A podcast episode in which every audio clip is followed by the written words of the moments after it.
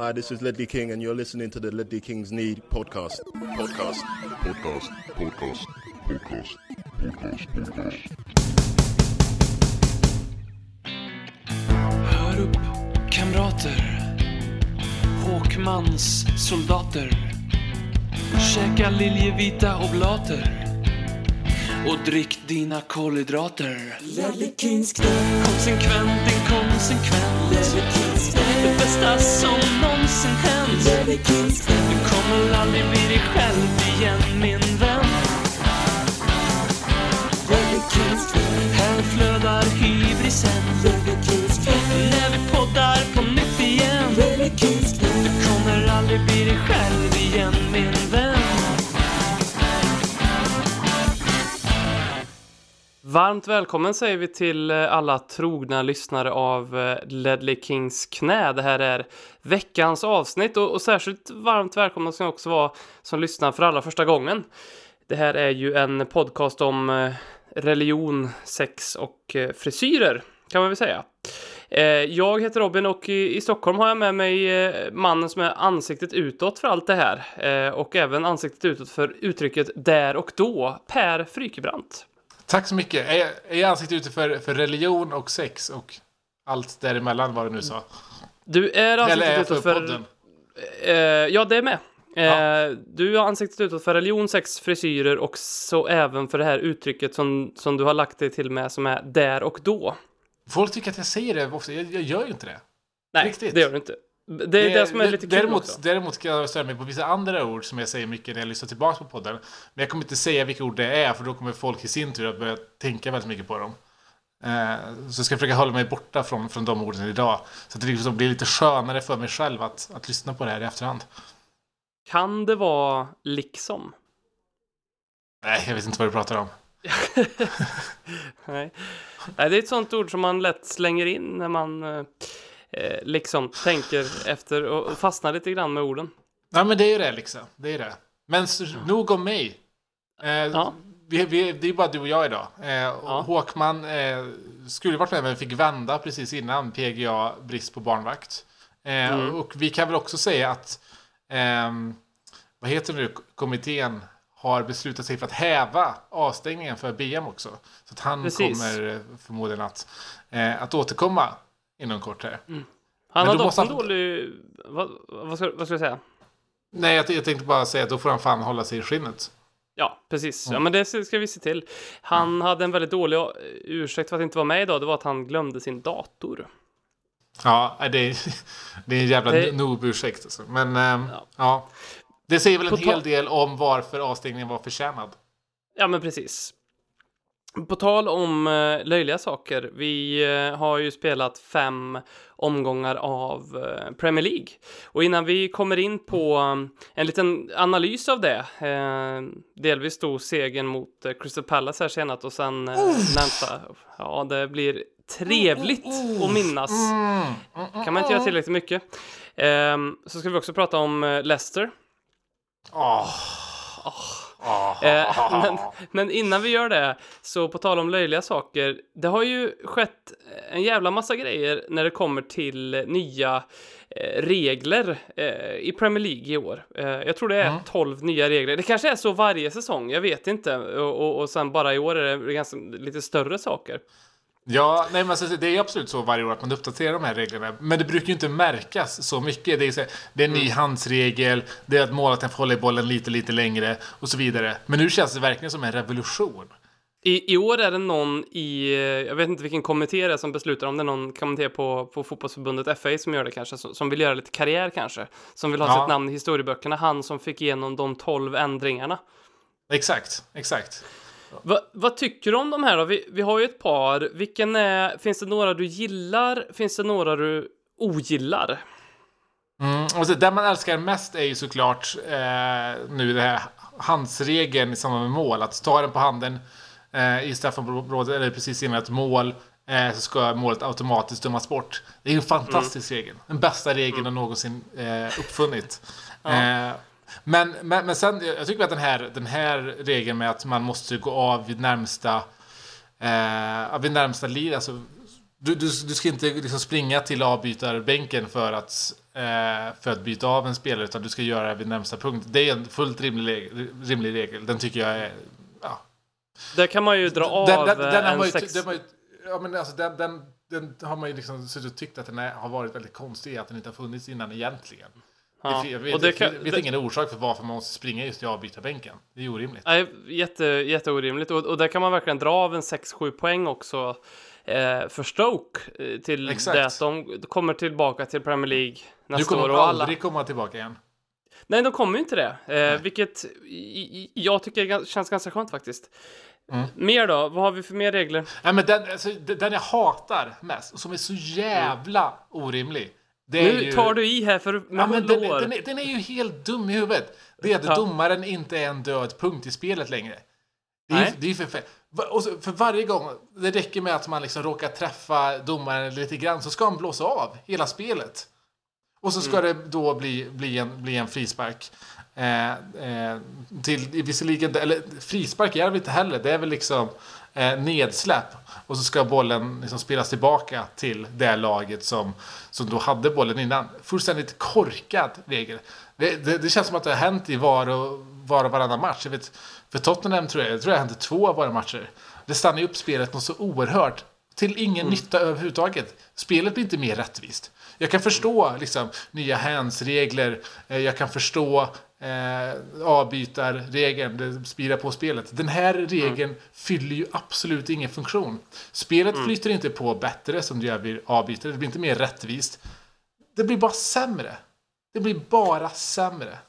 Det är väldigt märkligt som du säger, därför att den nya avsparksregeln, eh, den kan man ju se kommer ifrån att man vill ha eh, ett snabbare spel, eh, mer Ja, flyt. exakt. Det fyller en funktion. Precis samma med bytena. Ehm, men- men, det är som att man har kompenserat lite så här att, ja men... Det flyter på för bra nu. Liksom. Ja, precis. Nå, Jag- på, jag- något, på något sätt måste vi stanna upp spelet och göra det tråkigt igen. Ja, jättemärkligt tycker jag. Ja, Man- nej, den, här, man, den, här, eh, den här killen med de 12 eh, nya ändringarna, han, eh, han var på väg, han, han fick lite hybris.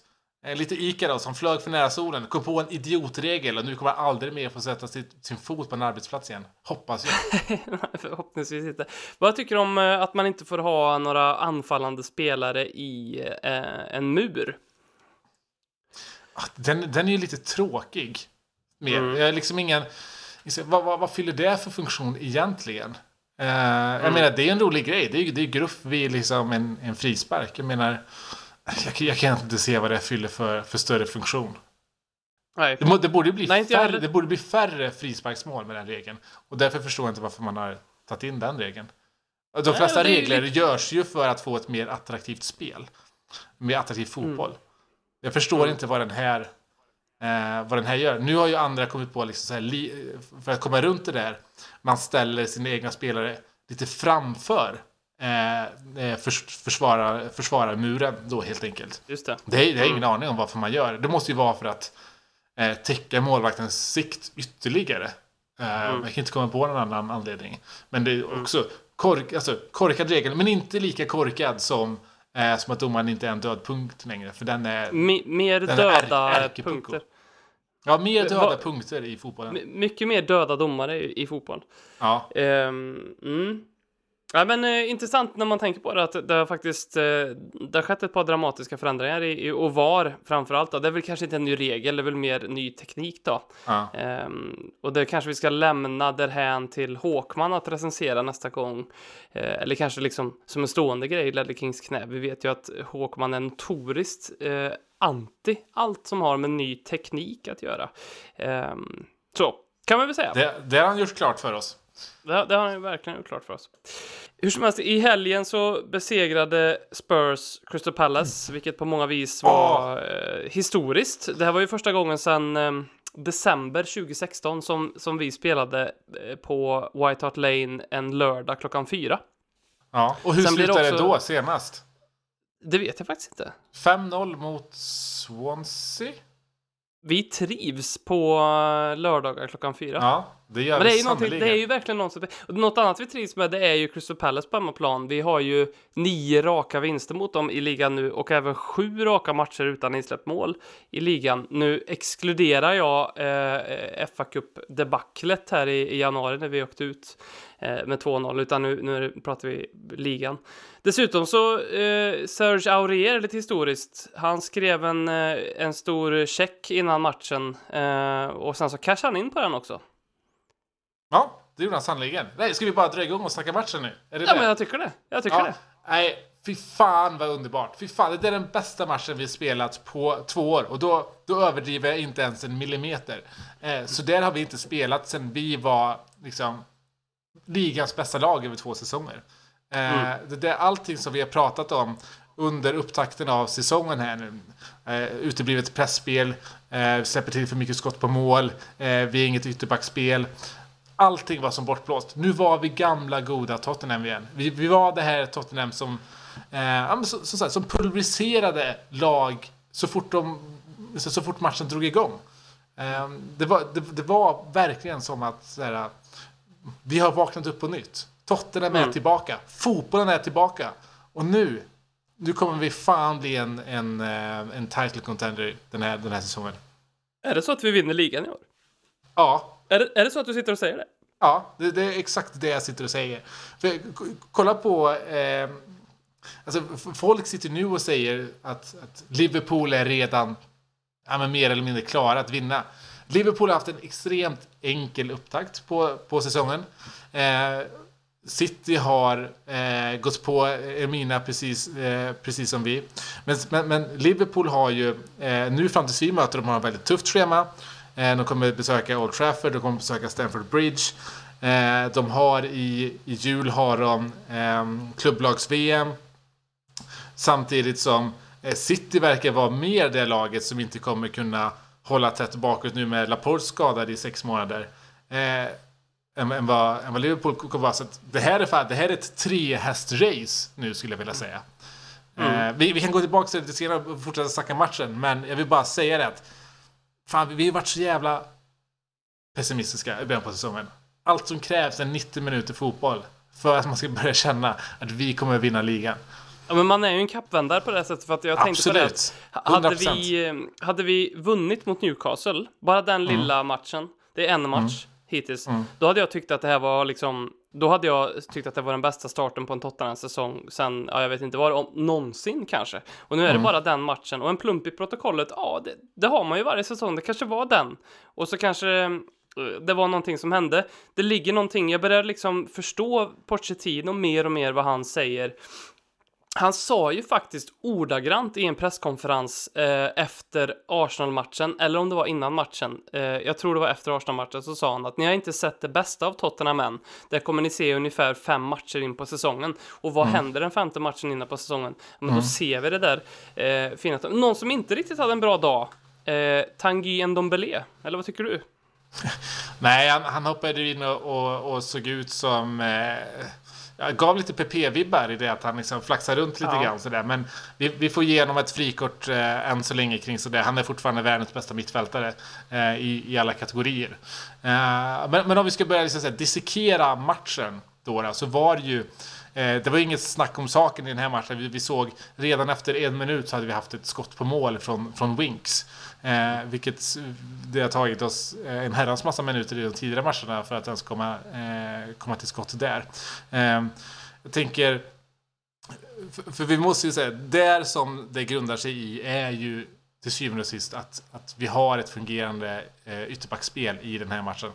Eh, vi, vi har saknat Kyle Walker väldigt mycket, men när Orier spelar sådär så är han en mer än en fullgod god ersättare till, eh, till honom. Han, han påminner faktiskt ganska mycket om honom när, när han är i det här, när han är i liksom sitt, sitt bästa slag. Så där.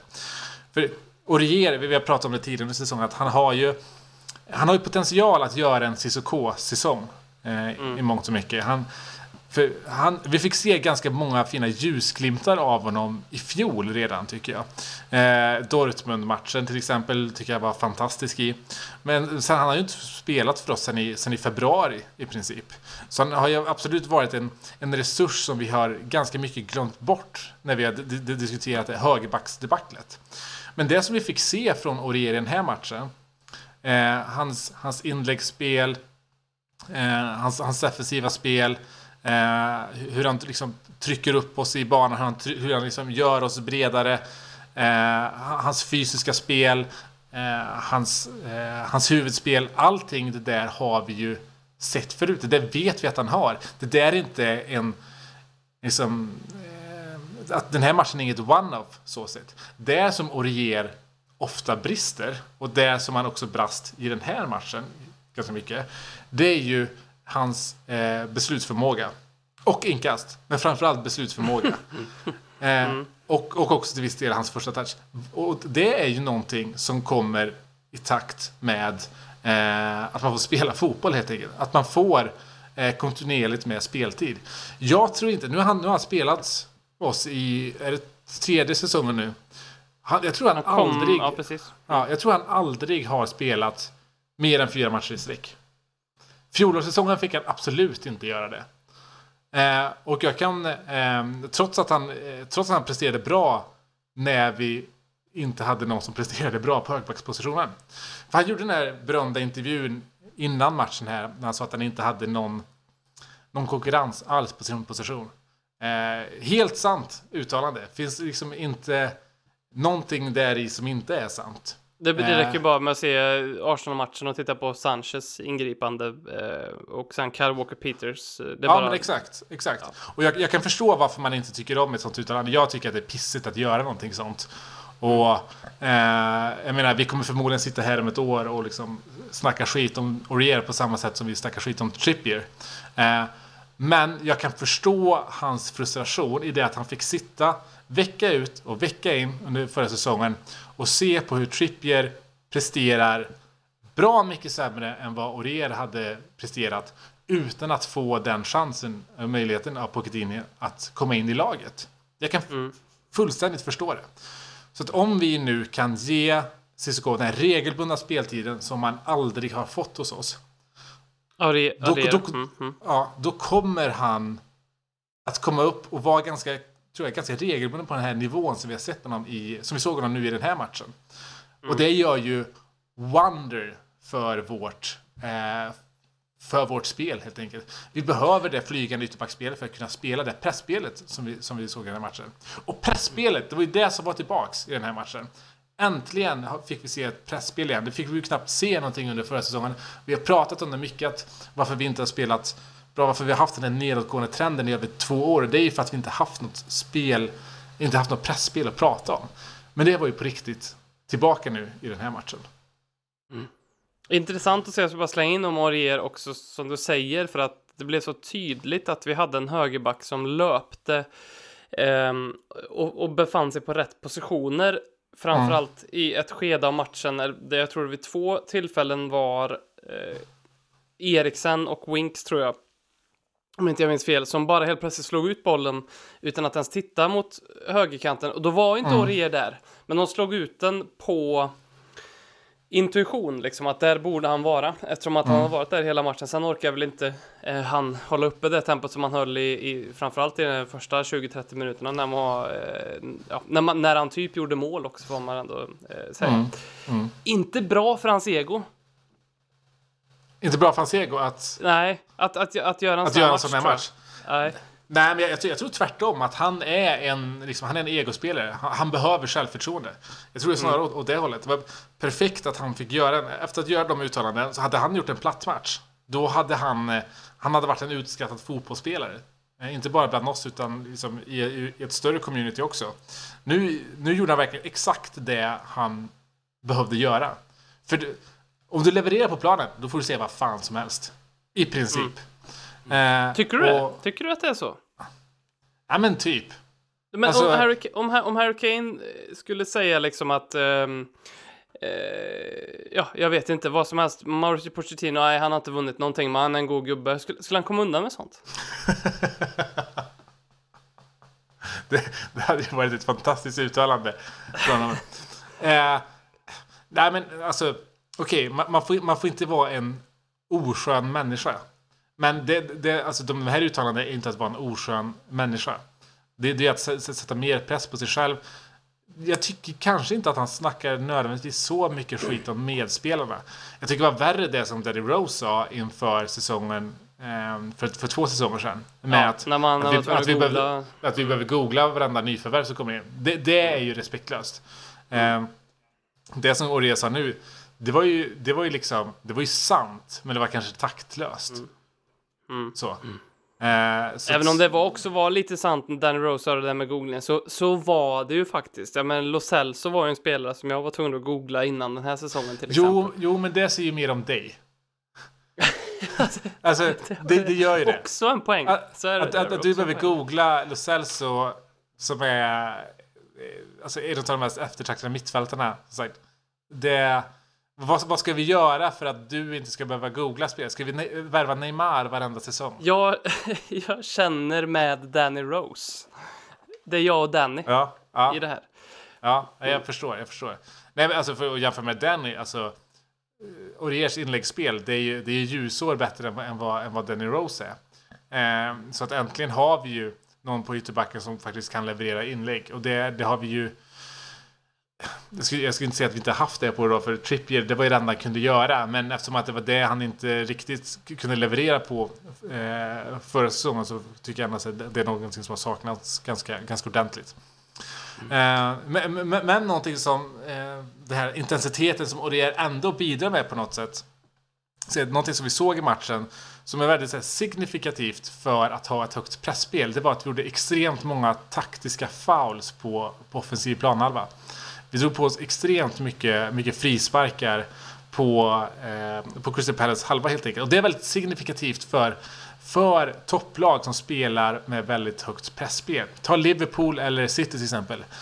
Jämför du... Får jag få lite kritik, kritik för det, det, det är väl också ett stående, en stående grej i den här podcasten är att vi pratar om Manchester City-dokumentären ehm, på ett annat sätt. Och var det inte så, det, detta avsnittet har inte jag sett av den, men att Mikael Arteta fick kritik för att eh, i en sekvens i Manchester City-dokumentären så står han och uppman, uppmuntrar de offensiva spelarna i City att göra offensiva fouls. Eh, typ han säger, when, eh, ja, jag kommer inte ihåg vad det är, men jag har sett ett litet klipp på, på Twitter där han säger så fort de börjar försöka vända spelet foul, så fort de eh, får tag i bollen foul, liksom sådär. Tror Ja, det, det, är, det är exakt det du ska göra med ett högt press- pressspel. Du ska inte få... Du, så du ska inte låta motståndaren sätta igång ett, ett spel. Alltså, som sagt, tar du City, eh, Liverpool eller vilket annat topplag som helst så, så skiljer sig deras statistik vad gäller fouls på offensiv planhalva. Och jag tycker inte att det är någonting att kritisera. Det, det, kallas, det heter ju tactical fouls, men det heter ju också professional fouls. Och det tycker jag säger en del om, om, om, om varför det är så viktigt att, att göra det. Och kollar vi den här eh, matchen, den här säsongen hittills. Som, och det är därför som ett högt pressspel, ett fungerande pressspel ger väldigt snabbt effekter på prestation och på ligaplacering. För kollar vi nu under den här eh, säsongen och lite bint in på tidigare eh, förra säsongen så låg vi inför den här matchen låg vi på 16 plats vad gäller att vinna boll på offensiv plan, att vinna tillbaks bollen på offensiv planhalva. Eh, tar vi säsongen, hela förra säsongen, eh, så kom, och, då, på 16 plats, då ska vi komma ihåg att sedan liksom årsskiftet så ligger vi ju på 16 plats i tabellen. Ja men precis, det, det, det, korrelerar med vår dåliga poäng. eh, Exakt. Kolla, kollar vi på hela förra säsongen, vad kom vi i tabellen då vad gäller eh, offensiv Eh, vad gäller att vinna tillbaka bollen på offensiv planhalva. Vi kom på femte plats. Ja, Vi, mm. vi borde ha kommit på femte plats i ligan. Vi råkade komma Ja. fyra. Ja, Säsongen det. dessförinnan, vi kom på tredje plats, vi kom på tredje plats i ligan. Så ett bra pressspel, fungerande pressspel, korrelerar väldigt väl med, eh, med ligaplacering. Så det är väldigt viktigt att vi, att vi håller oss till det. För det, det är någonting som vi inte har kunnat göra av, av, av rena resursanledningar. Vi har inte orkat helt enkelt. Vet Och du vilket var ju- lag som har eh, pressat mest? Jag ska bara flika in. Hittills i eh, Premier League den här säsongen. Som har hö- högst pressratio per match. Kan det vara Norwich eller någonting? Nej, det är Manchester United. Ja, ja du ser. Ja. Ja, du, du ser, det korrelerar. Ja, ja, jag vill inte skjuta ner din, för det är 38 matcher på en säsong. Så det Ja, kan exakt, ju eh, exakt. vara eh, ren, ren slump för den delen också. För jag tror att, jag tror att du har hittat någonting här. Jag tror att, jag tror att de här 14 timmarna eller vad det kanske är du har lagt på den här typen av research faktiskt kan vara ett genombrott för att eh, i framtiden förutspå och, och förutse hur Premier League ska sluta. Nej, exakt, exakt. Det är det jag lanserar här, här och nu. Men det är det som är väldigt intressant. För precis som eh, vi snackade om det i förra avsnittet, att efter eh, eller inför Arsenal-matchen så hade Livi och Pochettino haft ett möte som resulterade i att Pochettino helt plötsligt var väldigt glad. Vi vet att inför den här matchen, när spelarna hade kommit tillbaks från eh, sitt landslagsuppehåll, så hade Pochettino ett möte tillsammans med spelarna. Eh, och vi visste inte därefter vad som sades i det. Vi vet att det var väldigt tongivande spelare med i det mötet. Alderweireld etc. Och det som Alderweireld, Alderweireld sa efter matchen var att ja, men det är så här vi vill spela fotboll. Det så vi vill göra. Så jag antar att det här med pressspelet kan ha varit någonting som har tagits upp i det här mötet. Hur ska vi spela fotboll egentligen? För jag tror att men det, det Tottenham, det spelet som jag sett under det senaste året, det är ju ett AVB. Det är AVB-fotboll helt enkelt. Det är det är, det är Ja. tråkig possession-fotboll, mer eller mindre. Verkligen. Verkligen. Och var, var det någonting som AVB rök på så var det ju att han höll spelarna tillbaka. Och det tror jag att spelarna i Tottenham har känt under ganska lång tid. Att de har blivit tillbakahållna. Och därför inte kunnat liksom, prestera så här bra som, som man kan göra. Det ligger ju i allas intresse, i deras intresse, att de ska spela fotboll i ett lag som vinner varenda match med 8-0. Liksom. Så det, jag, jag tror det- att det mötet kan vara en, en, eh, kan vara en anledning till varför vi såg det här spelet i den här matchen. Den här podcasten har, just det här avsnittet har ju eh, någonting unikt. Eh, det, det är ju att du lanserar saker. Först så lanserar du att Tottenham kommer att vinna Premier League. Ja. Eh, den, andra den andra teorin du lanserar är att det är laget som pressar mest vinner Premier League. Den tredje teorin du lanserar är att det här mötet som vi med st- ganska stor sannolikhet vet ha, har blivit av. Eh, det, att, att det gick ut på att Tottenham-spelarna satte Mauricio Pochettino i ett hörn och så sa de till Mauricio, lyssna här nu grabben, så här vill vi spela fotboll, inte den här jävla VS Boas dreten med passningar på mittplan, utan nu ska det gå rakt, vi ska springa, vi ska vara slut, vi ska pressa sönder dem och vi ska göra tactical fouls. det är det du lanserar. Ja, jag, jag tror att det är att hårdra diskussionen väldigt mycket. Jag, jag tror att det är resultatet av det. det. Det är klart att man satt ner och hade en vuxen diskussion om sakernas tillstånd. Eh, och, Du har aldrig, det har aldrig låtit så politiskt. jag, Vi jag, måste ha jag, en jag, vuxen diskussion. jag var tvungen att backa tillbaka lite, lite där. Nej, nej men absolut. Alltså, jag, jag tror, det är klart att det har varit en diskussion. och Det är säkert så också att... ehm, att för det här, det här var ju en väldigt viktig match. Det här matchen var ju den som skulle sätta tonen för resten av säsongen. Eh, om, om det är så att den, mm, den matchen satte tonen för resten av säsongen, då kommer vi vinna ligan. Eh, och det är därför jag lanserar den teorin. Eh, men att det var så... Det, så, så det är klart att han, han släpper liksom... Eh, släpper på bromsarna eh, lite grann. Jag, jag, jag, tror inte att, jag tror inte att det är någon eh, eh, jätte... Vad ska man säga? Konspirations jättestor konspirationsteori att, att det var det som mötet kanske inte handlade om, men som togs upp i mötet i alla fall. Eh, jag har en till grej som jag vill lansera så, efter mitt, efter mitt, eh, vad ska man säga, efter mitt researcharbete. Och då är ingen- det en fjärde, det- det- fjärde sak du ska Ja, det, lansera. det, det, det är Kommer vi ingen, komma eh, upp i tvåsiffriga lanseringar i det här avsnittet? Nah, nej, nej, det tror jag inte. Det ingen lansering. Lanseringens man Per Frykbrant. Fortsätt Ja, nu, den fjärde men- grejen du lanserar. En grej som var väldigt intressant inför den här matchen. Som jag, eh, och det, det var väldigt, eh, ja, den här matchen på, på riktigt skulle sätta tonen för hur utvecklingen av den här grejen som jag lanserar nu också eh, skulle sett ut i framtiden. Och det är nämligen så här att i början av säsongen 2017, eh, 2017-2018, så låg vår expected goal eh, ratio. Och expected goals är... Eh, alltså, Rent krasst så betyder det, det här, så här många chanser borde man ha gjort mål på. Det räknar, det räknar in mål också, men det, det är ganska finkalibrigt system för att räkna ut det. Om du till exempel har en straff och så säger vi att ja, 85% av alla straffar går i mål. Då är eh, då har du 0,85 i Ja, liksom det. expected goal ratio. Man går, man går på sannolikhet att det här möjligheten, eller det här liksom skottet blir mål annars. Eh, och då låg vi på strax över 2,5 2,5 expected goal per match. Och vad gäller expected goal against så låg vi på strax under en, en halv per match. Och det, det är ganska bra, liksom, det är ganska bra diskrepans mellan de två, eh, eh, de två siffrorna. Och det här var ju när vi var som allra bäst också. Och sen så konstant där under de här senaste säsongerna så har då vår expected goal sjunkit. Samtidigt som vår expected goal against har stigit. Fram tills då, eh, första september. Vilket var då vi mötte Arsenal, det var första september, eller var det andra? Jag kommer inte ihåg. Ja, nej, det stämmer. I alla fall, då, då möttes de här två linjerna. Då var det för första gången som under, vår liksom nyfunna storhetstid då, som expected goals och expected goal against möttes. Och hade utvecklingen där fortsatt precis som det gör, då hade då som sagt var expected goal against gått om expected goals för. Och då är vi helt plötsligt ett lag som inte vinner matcher. Lite läskigt att det blev 2-2 också då. Ja, ja men det här var... Om- om- det här, om- ja, Det var efter den matchen. Ja, exakt, exakt. Okej. Eh, Mm.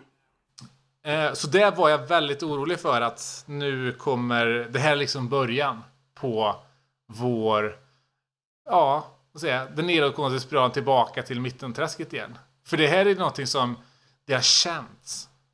Det har känts att det har gått så här dåligt. Men, men har det verkligen varit så? Men all statistik pekar ju på det. Eh, och, och så till slut när vi får se då den här matchen och man bara säger det här kommer sätta tonen för den här säsongen, för vår framtid de närmsta tio åren. Och så går vi och pulveriserar Crystal Palace i första halvlek. Vi är världsbäst i första halvlek. Åh. Mm. Men vad, jag, jag, har, jag måste bara, jag vet inte riktigt vad det är du lanserar, eller vad det Nej, var men det var, ville- jag, jag, jag lanserade ett... Eh, vad brukar man säga? I filmdramaturgi så kallar man en point of no return. Så nu, nu det här, det här, den här linjen som jag då har kollat på, den Ja. liksom har ju gått ihop, fram, den har utvecklats och nu har de här två linjerna mötts. Och då tänker man, fan, här kommer det då, här kommer det gå ut för. Här slutar liksom filmen. Nu kommer det gå åt helvete. Men! I sista scenen, boom! Vi pulveriserar vårt motstånd som vi inte har gjort på de här två säsongerna som den här statistiken sträcker sig över.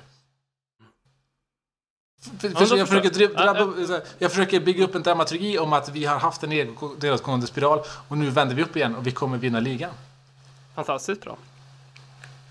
Fantastiskt bra. Ja. Så att du, där, du, där du säger att de här senaste debaclarna vi haft när vi förlorat mot Newcastle och när vi höll på och, och liksom ta kollektivt självmord som fotbollsklubb genom Det att följer förlora utvecklingen. mot- Det följer Det utvecklingen. följer utvecklingen. Och, Ja, och det, var också en, det var också en del för att skapa cliffhangers inför det som komma skall också då. Ja, exakt, exakt. Men sen så... Bord- Ja, fortsätt. Nej, Jag kan lansera nya grejer. Jag, jag, jag, vi, vi är uppe i tre saker som du lanserar än så länge och jag tror att eh, mot slutet av den här podcasten så kommer det vara tvåsiffrigt. Och det kanske Ja. också är för att det är kul att lansera saker. Och det är också smart att lansera många saker samtidigt för då har man liksom några grejer. Det är ungefär som en sån här eh, fake eh, ITK Twitter-användare som finns. Det finns ju ganska många sådana. Så de, de, Mm. Ja, exakt. de skriver typ Ja, precis, 250 000 tweets kanske per år. Och Mm. så skriver de om saker som kommer hända och så antar jag att de går in och deletar tweets. Jag har aldrig liksom orkat kolla upp det där. Någon gång har jag tänkt att jag ska gå in och göra screenshots av den här skiten, men då, det, det skulle säga mer om mig än dem om jag ska vara helt ärlig. Återigen, Eh, ja. men, men, då har, men då har de eh, någonting att falla tillbaka på och så retweetar de skiten ur sig själva. Kolla, jag sa ju att David de Gea skulle skriva på ett nytt kontrakt för två veckor sedan. Ja, men du sa Mm. också för två veckor sedan att eh, Danny Rose skulle gå till Watford. Din dum fan, men den tweeten har du eh, så. Och det, det där du gör, det är mycket skickligt. Eh, det, ja, här men kommer att, det kommer ly- lyfta dina aktier väldigt mycket. Det Ja, det, här säga fake, borde... det här fake-ikonet funkar inte så bra i podcastform. Det är mycket bättre i Twitterform. Där man kan liksom retweeta de man hade rätt på och bara delita de man hade fel. Mi- Mina fel kommer ju leva kvar i, i universum för all evighet. Så är det ju. Och sen så finns det ju, eh, om vi bara ska nämna det, eh, vi gillar ju konspirationsteorier i den här podcasten. Och när vi ändå pratar om ITK så tror jag du vet vad jag kommer komma till här nu. Men då, det finns ju ett Tottenham eh, ITK-konto som heter J Jetset. Känner du till detta? Ja, absolut. Och vi har ju sedan länge, sedan begynnelsen av den här podcasten, haft varit av den uppfattningen att detta kontot sköts av ingen mindre än den tidigare TOSS-ordföranden Jan Julin. Mm, ja, exakt. Ja, men är det inte så då? Jag, jag tror att det är så. Det, det starkaste beviset för att det är så, det var att vi twittrade ut detta och vi basunerade ut detta på alla cylindrar så att säga i vår podcast för eh, fem år sedan tror jag. Eh, och då gick Jay Jetset in och blockade oss på Twitter. Nej, han jo, först blockade han oss och sen så låste han sitt konto. Och jag har otaliga gånger försökt eh, att följa JJ Jetset-kontot från Lille Kings knäkontot, men blivit nekad varje gång. Ja, Så att säga, jag, jag nekas inträde. det är, det är en intressant eh, konspirationsteori. Men anledningen till varför han blockade... Taggade, vi, taggade du honom när du skrev det här inlägget? Eller vad? Jag kommer inte ihåg, det går säkert att leta fram jag tänker, om du inte taggade det, då är det verkligen så här, då är det någonting... Då, då, då är det ligger en hund, då är det en, ligger en gravad hund här. Ja. Men, men om du taggade honom... hund. Ja, Ja. men om du taggade honom, då tycker jag nog bara att du är en jävla liksom, idiot. Ja, då, bara då, skulle vi kunna, då skulle vi kunna säga att det säger, han, säger mer om mig äh, äh, Ja, än, exakt. än något annat. Ja, det skulle vi kunna Exakt. säga. Men det fanns mer kopplingar som inte jag kan, eh, eh, som inte jag kan minnas nu. Eh, Ja, men, till, till eh, JJ Jetset och framförallt Sverige. Det Mm. fanns en Sverige-koppling.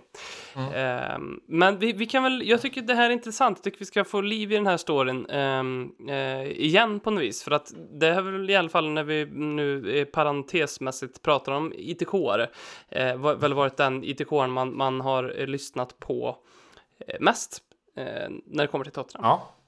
ja, absolut. absolut. Eh, Det var en liten parentes Det var en liten i, i, parentes. i Ja, Crystal Palace-matchen. ja, det sista jag tänkte vi, borde vi, slog vi av på takten?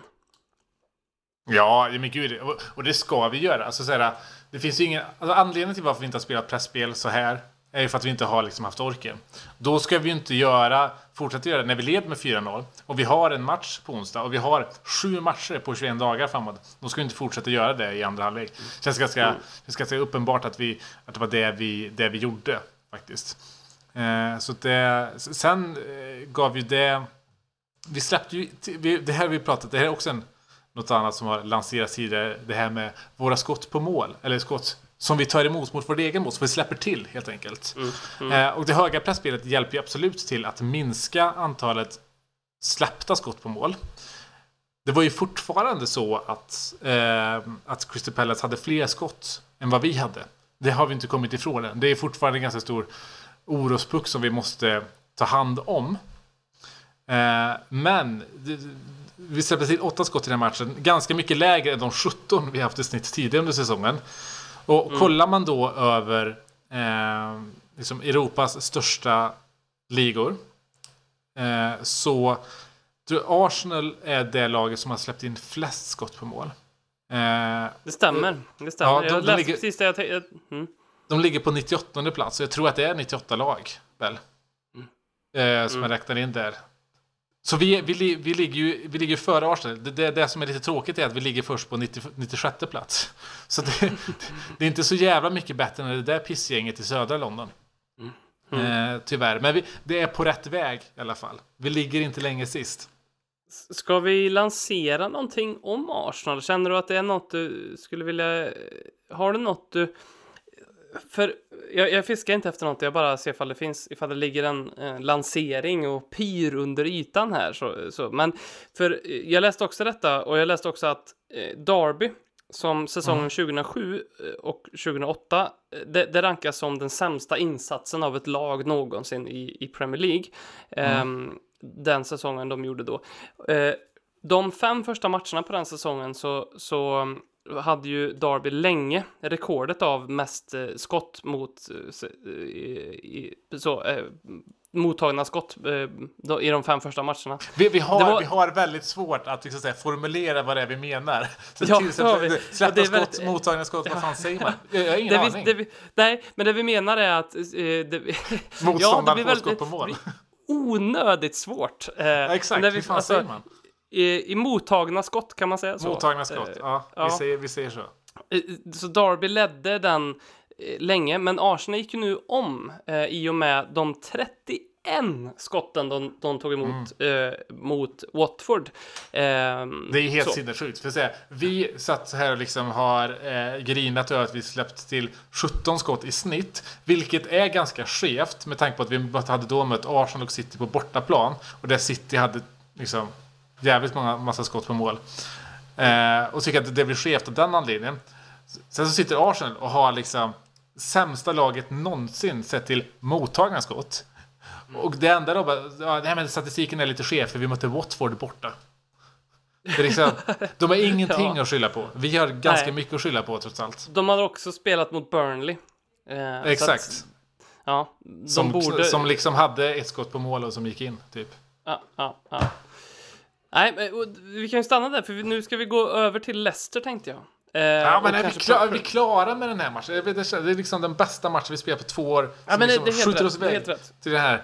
Eh, jag vill bara säga eh, en grej kring som jag har sett cirkulera i Twitter, Är det en- är det- är det en Twitter-sfären. Är det en lansering? Nej, det är inte det. Men jag har sett att det debatterats om Harry Kane och huruvida han ska vara släpande. Han ska spela bakom liksom, våra kantspetsar eller inte. Eh, och vi, vi, vi ställer absolut upp med liksom 4-2-3-1. Det gjorde vi ganska tydligt i den här matchen också. Som, som under stundom har bytts ut mot en 4-3-3. Så en anledning till eh, varför vårt pressspel har sett ut som det har gjort har ju faktiskt att göra med Kanes fitness också. Alltså han var ju under sin prime, eh, om, om vi kollar på liksom vunna bollar, gjorda brytningar på offensiv planhalva, så var ju han en av de bästa under liksom perioden liksom 15, 16, 17. Så. Eller 16, 17, 18. Eh, och det, han har inte haft den fysiken för att kunna göra det. Och vi eh, behöver ju att våra spetsar ska vara våra liksom, absolut bästa pressmotorer. Och därför tror jag att vi måste ha en släpande Harry Kane istället för en spets Harry Kane. För att då en, en, en Son eller Mora eller Lamela eller Delle eller vem du vill ha ska, ska liksom vara de som ligger högst upp och pressa. Jag tror att det är extremt viktigt. Sen också, vill vi spela som till exempel Liverpool eller City, vilket är de som vi kopierar just nu. Där ska ju farten ligga längst fram. Och vår fart finns inte i vår, vår spets Harry Kane, utan vår fart finns ju i våra kantspelare, i Son, Mora till exempel. Precis, precis, precis som Liverpool har det. Och du kan inte ha fart längst fram om din spets är längst fram och trycker ner motståndare. För då spelar det ingen roll att du kommer med fart 20 meter längre ner i banan. Eh, så att för att vi ska kunna spela det här freudiga spelet, eller fröjdiga spel som vi, som vi får se nu, så tror jag att det är av högsta, högsta vikt att Kane är släpande och att han inte är en spets. Där har vi en ny lansering. Harry Kane bör spela som släpande Firmino, anfallare. som Firmino. Exakt. Och Sen, sen, sen vet jag inte hur jävla liksom, keen som, som Kane är på det. Jag menar, det kommer absolut påverka hans, hans, eh, hans målratio såklart. Eh, Mm. Men det får man bara bita ihop. Och, men jag tänker det öppnar ju dörren för dels en sån eh, och, och spela framför Kane. Så, som det bitvis mot Crystal Palace var det ju nästan 4-4-2. Vi, vi lirade alltså med, med, med Kane och sånt på topp. Men framförallt så öppnar ju dörren för, för en annan stor poddfavorit i, i Troy Parrott. Eh, som också är en kille som kan spela släpande. Eh, han kan ju också spela ytter för den delen, men som måste, väl ändå, måste vi väl ändå säga gör sig fenomenalt bra längst fram i, i banan där han bara ska dra till bollen vid första touch och göra mål. Ja, exakt. Nej, men han, han och Kane är ju... Alltså, Parrot är en karbonkopia på Harry Kane. Det, han är ju det. Kan, Skulle det kunna vara så... Mm. skulle det kunna vara så att uh, Hengmin Son blir vår bästa målskytt i år? Ja, han är ju... Ska vi se, jag tänker tillbaks på statistik. Visst har han, han har gjort flest mål på hemmaplan det senaste året. Eller de senaste två säsongerna. Så borde tror det jag. vara. Eh, och, eh, nej, men, nej men absolut. Alltså, eftersom att han då, om Harry Kane kommer vara mer släpande, vilket är ett resultat av hans fitnessnivå, som har att göra med hans liksom, skador och inget annat. Han har liksom rippat till sig väldigt mycket. Om Heung-Min Son kommer bli mer av vår spets. Och inte som ensam spets, utan som att ligga längst fram i banan tillsammans med någon annan. Då är det också ganska rimligt att tro att han också är den som kommer göra fler mål än den som släpar. Så att absolut, jag, jag eh, skulle inte vara förvånad. Okej, det här är min femte lansering för dagen. Nu kommer den, nu kommer den. Son Jong-Min vinner skytteligan. Vad har vi nu? Vi har Tottenham vinner ligan. Ja. Har vi. Eh, jag har glömt bort de andra. Det är väldigt eh, dumt gjort av mig. Men Tottenham vinner ligan. Eh, du massa, med- andra, massa andra bra massa- grejer. Det är, så mycket, det är så mycket som Ex- är lanserat. Expected goals inte- som du inte tyckte var så bra. Nej. Eh, och, och lite andra saker. Men, men, men det som är viktigast, vi vinner ligan och Jong Min Son vinner, vinner skytteligan. Skytteligan, det är viktigast att ta, med, ta med sig. Mm. Vad mer vill du säga om, om, om matchen mot Crystal Palace? Jag, du märker nu att jag inte vågar gå vidare. Alltså, fotboll är kul igen. Fotboll är kul igen. En kul sak som hände på den här matchen, det är ju... Det finns lite svågerpolitik i eh, Pochettinos Tottenham. Han har ju, eh, ja inte minst sin egen son eh, Maurizio med Z eh, i ungdomsleden. Mm. Vilket, vilket jag tycker, alltså, eh, jag, jag, jag litar så pass mycket på Pochettino så jag tycker inte att det är konstigt. Eh, det, han, alltså, han skulle nog troligtvis inte vara där om han inte var bra nog, så är det ju. Nej. Eh, men vi har också Timo Tainius son där. Eh, det, det antyder lite svågerpolitik. Men det behöver inte vara så. Det kan också vara så att Maximus... Kan det vara så att de har bra gen- gener också. Det kan också vara så. Och ma- särskilt Maximus Taimo som, om hans pappa hade det mest okarismatiska utseendet eh, någonsin. Eller man Ja. kan säga ett väldigt typiskt finskt utseende. Förlåt alla finska lyssnare. Eh, så. Eh, men det här är från svenska ögon sett bara. Så har ju Maximus Tainio eh, raka motsatsen, ett väldigt karismatiskt. Ja, men han är ju han är ser nästan ut som Ginola. Ja, Ser inte ut lite ja. som Ginola. Timo Tainio som nu också har, eh, han har också en tränarkarriär och har nu flyttat upp sitt lag upp till finska högsta ligan. Nice. Eh, här i, i helgen var det väl som det blev klart, tror jag. Så det är kanske någon vi kan se ersätta Pochettino om, om några år. Precis. Men mer Hoppas svågerpolitik inte. finns. Nej, det Ja, hoppas mer, jag inte heller. ja. Men för, det finns mer svågerpolitik. Och det är ju då eh, Sebastian, eller Sebastiano, glömmer bort här nu, eh, Pochettino, som är den andra sonen till Mauricio. Mm, Han som inte har en fotbollsspelande eh, spelande karriär, men däremot så har ju han studerat till, eh, han har studerat sports medicine. Mm. så, så han, är, han är ju med, faktiskt om, om man tittar på man kan ju titta på såna här tunnel cam videos efter varje match där eh, de visar eh, bilder från när, när, när spelarna ska gå ut och värma upp och, och allt som sker egentligen i tunneln innan de går ut på plan. Eh, och sen så filmar de också lite från uppvärmningen. Då ser man ju faktiskt nu att eh, Sebastian Pochettino är med mer och mer eh, och, eh, och, och värmer upp laget. Och det, detta läste jag ehm, vilket var rätt kul. Han pratar ju också ett par språk. Tror- Spanska? Jag tror han pratar, ja, spanska, engelska, franska. Han pratar liksom flera språk, eh, Sebastian. Han verkar vara multibegåvad den här eh, Ja. Sebastian Pochettino. Eh, så att när Tanguy Ndombele skulle in, Tanguy Ndombele som bara pratar franska, men som går på, på engelska, så han, han har två lektioner i veckan i engelska. Eh, han har inte riktigt lärt sig engelska än och han kan ju definitivt inte spanska, så att när Pochettino skulle ville byta in Ndombele och började ropa på honom, då hörde inte han det, för att han förstod inte vad Pochettino sa. Så då bad Han kan inte höra sitt eget namn uttalas på engelska. Nej, men precis, Det är det, väldigt roligt. låter ju jättemärkligt. Ja. Eh, men han lyssnade, han hörde inte detta, så att dess, lösningen blev att eh, Mauricio Pochettino fick skicka dit sin son Sebastian som kan prata franska, som fick springa längs hela sidjan och säga till Tanguy, "Öj, nu är det dags för dig att komma in på plan. Och sen så var ju Pochettino upp, uppenbart irriterad på Tanguy Ndombele. Jag vet inte om det var eh, bara på grund av den incidenten, men eh, det var ju vid ett tillfälle som han tappade Han bollen. borde Tang- vara det på grund av han den incidenten. borde vara det. Ja. Eh, men det var ju ett tillfälle som Tangen ändå blev tappade bollen eh, och där Pochettino, där man väldigt klart och tydligt, där han blev otroligt besvärad över detta och skrek på honom eh, eh, ja, från sidlinjen, Mm. väldigt irriterat. Ja. Han hade inte Så sin bästa match. Han hade, nej det hade han inte, det var, mm, det tyckte jag syntes ganska tydligt och det var också någonting som Pochettino sa för ett tag sedan. Förutom det här med att Pochettino sa att eh, ni kommer få se det bästa Tottenham om ungefär fem matcher in på säsongen så sa han också att ni har inte sett det bästa av Tanguy Ndombele. Han är bara på 30 procent och, och, om vi ska vara helt ärliga får, får man säga att han var väl kanske på mindre än 30 procent i, mm. i den här matchen. Han kommer svår match att komma in på. Tottenham har slagit ner lite på farten, det, intensiteten fin Han kommer in och mm. supertaggad eh, och det, det Crystal Palace gör det är att de försöker vinna boll och, och kontra liksom. Det, det är svår mm. match att komma in i, det får man, det får man faktiskt säga. Ja, äh, äh, verkligen.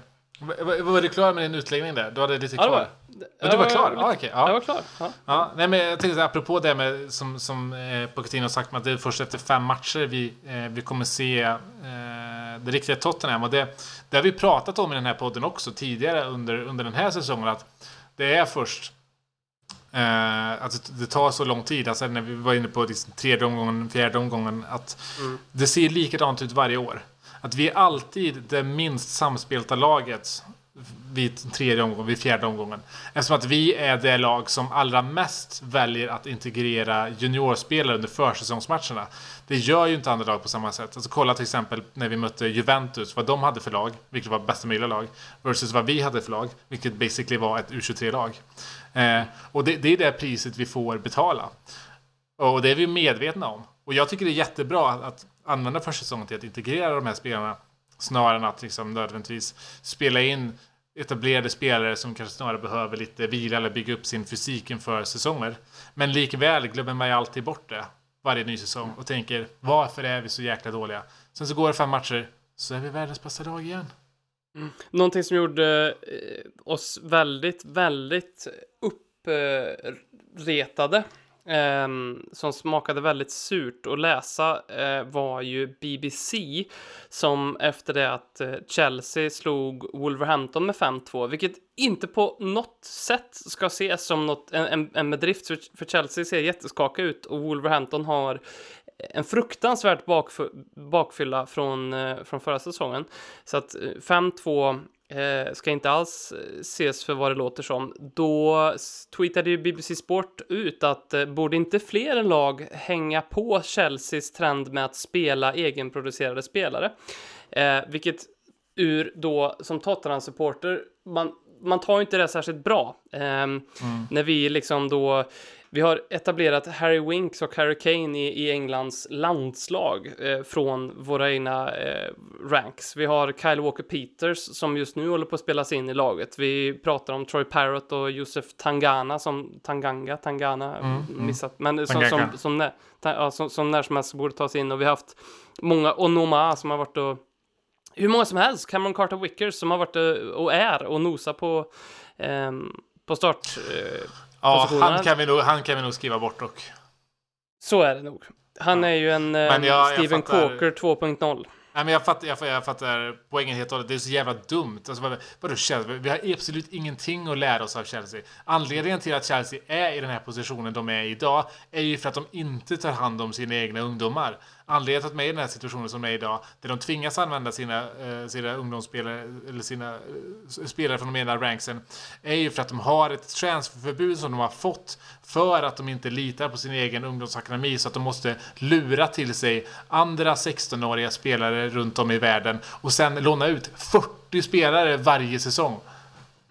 Det, det finns ingenting att lära av Chelsea. Så, sånt kallar man för grooming i andra exakt. delar av uh, Men det är exakt världen. vad det är. Ja. Ska vi lära oss mer om grooming? Är det det de tycker? Är det det BBC Sport är det, det, är, det det, är det de idealen ni vill förmedla? Ja, ja men okej okay, BBC Sport. Okej. Okay, okay. ja. mm. Arsenal. Eh, en följetong som, som jag ser fram emot i den här podden är den här säsongen. För, för jag tror, jag har varit väldigt försiktig med det här, för jag vill inte jinxa någonting. Men nu känner jag mig mer och mer trygg med detta. Men jag hade faktiskt en, en väldigt stark känsla innan säsongen drog igång och när de stod där eh, och slog sig för bröstet om sina, eh, inom citattecken, supervärvningar som de har gjort, så har jag känslan om att det skulle kunna bli en tionde plats av det här. Eh, och någonting Tror som... det? På riktigt? Ja, no någonting som stärker det här är den... De har blåst upp sig själva Och, och det, min, det, det märks på så många sätt, det, det märks inte minst på deras supportrar. Ehm, och, och detta var jag tvungen att gå till anfall med, för att så fort de började, när de gjorde de här värvningarna, när de värvade PP, när de tog Ceballos, så fick vi ju drösvis eh, med hån på Twitter, alltså direkt till vårt Twitterkonto, men också Tottenham i, i allmänhet fick ju massor av hån. Vart är ni någonstans? Kolla vilka värvningar jag gör. Ni Jag lyckades mina- inte ens värva Dybala. Ja, men precis. Jag fick ju liksom sms av de vänner jag har bara med, med en bild på och, och, och så. De blåste upp sig själva. Eh, och nu är den ballongen på väg att börja pysa lite grann. Och vi såg det i vår match mot Arsenal när Lacazette eh, firade ett 1-2 mål.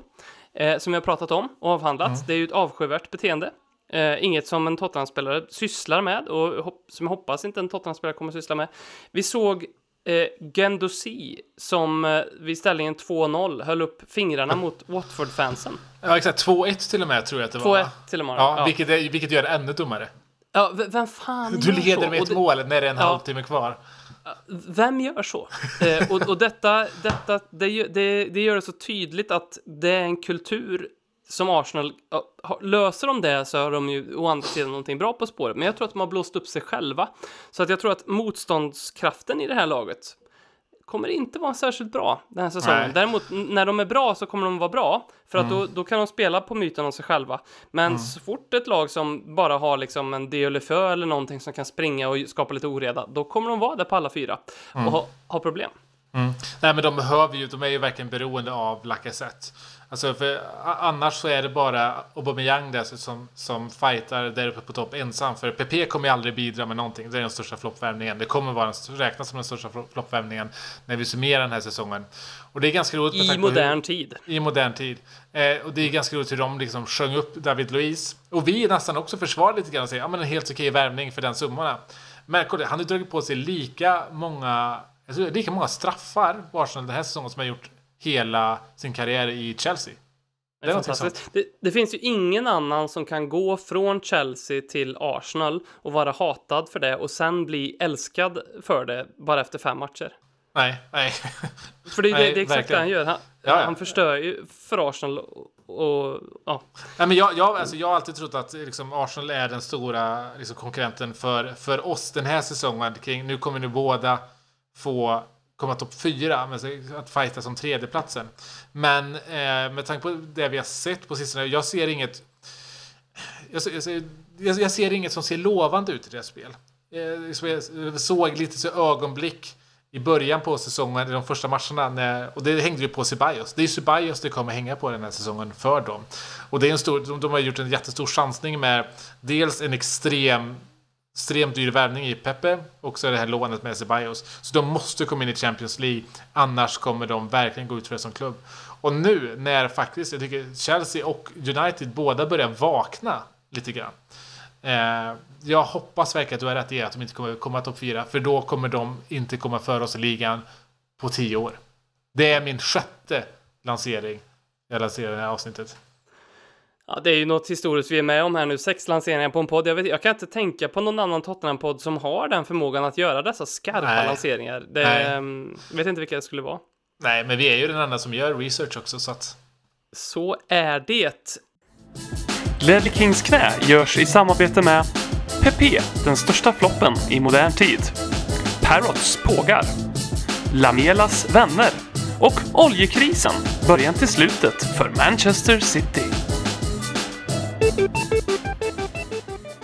Ska vi gå till eh, Leicester-matchen? Vi kan väl snacka lite Leicester. Jag hatar eh, Leicester nämligen. Jag vet att vi ofta sjunger upp dem som ett lag som det, det är fint som ett lag som utmanar topp 4 eller utmanar topp 6. Eh, det, jag tycker vi som to- Tottenham-supportrar måste hata Leicester mer. Eh, de vann ligan, de förtjänade inte vinna ligan, de vann ligan på vår bekostnad. När vi var som allra bästa, säsongen Leicester vann och säsongen efter, där Chelsea vann, så var vi det bästa laget i England. Vi var det bästa laget i ligan. Sett över de två säsongerna så hade vi flest poäng. Vi borde ha vunnit ligan båda de säsongerna. Eh, men Leicester, som inte hade någon rätt att komma upp där och vinna ligan, gjorde en jävla flugsäsong och vann ligan på vår bekostnad. Det- För det här var vår möjlighet. De två säsongerna, och framförallt Leicester-säsongen, Det var vår möjlighet att vinna ligan. Jag kan inte se att vi kommer gö kunna göra det under överskådlig framtid igen. De berövade oss på det finaste vi kan uppleva som tottenham Men med undantag för den här säsongen då? Fast Med att undantag för det, just det. Ja, ja, mm, Det var det jag glömde. Men uh, uh, uh, fram tills nu så har det varit omöjligt. ja, mm. Och Den- det, den det ska vi aldrig, det ska vi aldrig den förlåta dem för. Det ska vi aldrig förlåta dem för. Vi ska hata dem. Sen när vi har krossat dem med 4-0, då kan vi säga igen, här, från och med måndag, här, ja, men det, det är kul med ett lag som utmanar topp 6. Men fram till dess, vi, vi måste hata Leicester mer. För de berövade oss på det finaste som finns. Finns det någonting man kan tycka om med Leicester? Jag, jag tänker så här, ja, men vem har de som tränare då? Jo, men då har de Brendan Rodgers. Det är bara att kolla fem minuter på den eh, dokumentären som gjordes om Liverpool så förstår Ja, man att han är ju liksom en Han är avskyvärd person. Man är Ja, psykfall. Som är det, ja. vi, alltså det som är första avsnittet, då lägger han ju... Vad är det? Han tar, han, han tar en lapp, skriver ett namn på den, lägger ner i en låda och så säger han Jag har nu skrivit ner ett namn på en av er som kommer att göra mig besviken den här säsongen. Vad är det för Ja, psykfall till tränare som gör så? jätte- Jättekonstigt, jättekonstigt är det. Vem gör Det så? är, eh, jag, jag har aldrig sett eh, någon, jag trodde inte, när jag såg The Office US för första gången så trodde jag att ja, det här är lite uppskruvat. Men sen så såg jag den här dokumentären så förstår jag precis vad de baserar det på. Mm. Ja, alltså The Office är 100% inspirerat av Brandon Rogers. Det är ju det. Mm. Och sen så kollar man med, vad har de mer då? Jo, men har de Jamie Vardy. Ja, Det finns ju usch. ingenting man kan tycka om med honom. Eh, med Madison eh, som eh, eh, folk vill ju se honom i Tottenham. Han hatar ju Tottenham. Alltså kollar man in Ja, hans. Twitter-feed från här, Just 2013. Han, han, han är ju Arsenal-supporter, han hatar ju oss. Han kommer aldrig spela i Tottenham. Nej, tack gode nej, men jag, jag, jag tror att det ligger någonting i det där. människa. Jag, jag tror att det ligger någonting i det där. Ehm, att, att Tottenham faktiskt... För det fanns ju... Ceballos tyckte man ju ändå var lite märkligt att han inte ändå gick till Spurs. Nu tror jag att det, det, själva ehm, lånedelen som Real Madrid insisterade på, det vill säga att de inte ville ha en köpklausul med och de ville inte sälja överhuvudtaget. Det var nog det som gjorde att inte vi tog Ceballos för att vi vill ha lite mer långsiktighet. Ja, Men-. Jag har uppfattningen om att Tottenham eh, är väldigt noggranna på det personliga planet också, vem man Mm. faktiskt plockar in i plugg. Nu har vi haft Marcus Edwards in the ranks, det, det ska vara liksom... Jo, men det var ingen Eh, vi scoutade, för att säga. nej, Utan det var någon på vi det sättet. Gav, gavs. Ja, och, och, och kommer det en sån 16, 15, 16-årig med den talangen så ska man kanske plocka in honom. Men, men, Mm. det, men ehm, han är väl ett exempel, det finns väl fler exempel på Said Berahino, andra spelare, så Berahino som det visade sig vara en fullkomlig idiot liksom, Mm. som, som har liksom varit nära på Tottenham och så undrar man, varför händer ingenting riktigt där? Mm. Eh, alltså jag kan tänka mig att Madison eh, också går samma öde till mötes lite grann. Det här Ja, är ju jag hoppas verkligen det.